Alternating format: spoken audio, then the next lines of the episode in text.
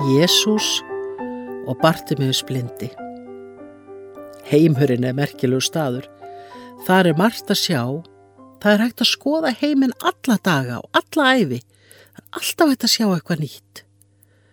En það er ekki allir sem sjá heiminn með augunum. Því sumir eru blindir.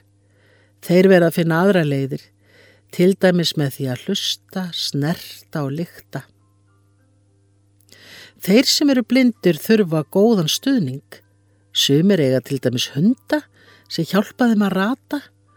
Svo notar margt blind fólk fítan staf til að þreyfa fyrir sér til að mistiga sér ekki.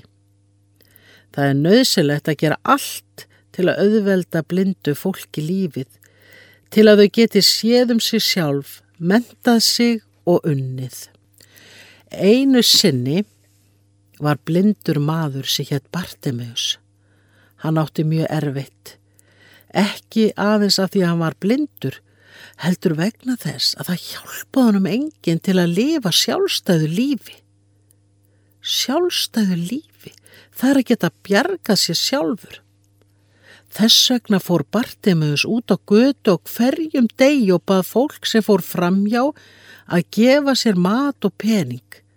Það var erfitt. Eitt daginn heyrði hann að Jésús væri að koma. Bartimeus ætlaði að tala við Jésú og byggja hann að hjálpa sér, lækna sig. Hann hafði góða heyrn. Bartimeus hafði heyrt að Jésús læknaði fólk. Bartimeus heyrði að fólk nálgæðist og hann fór að kalla á Jésú. Fólki sem fór eftir veginu sagði Bartimeus að þeia en Bartimeus var ákveðin. Jésús, hjálpaðu mér. Hann skildi ná tala af Jésú, svo hann rópaði bara ennþá herra, Jésús, hjálpaðu mér. Það eruðu bara allir nextlaðir á þessum fátæka blinda manni. En það var einn sem var ekki nextlaður. Vitið hver það var? Það var Jésús. Hann stoppaði og gekk til Bartimeusar. Þá bað Bartimeus Jésu að gefa sér sjónin aftur. Hann vissi að Jésús var máttugur Guðssonur.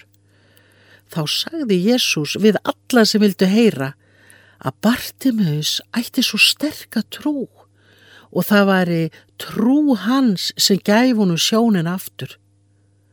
Allt hennu fann Bartimeus að augun hans voru orðin hilbrið og hann var gífurlega gladur og ótrúlega þakklátur.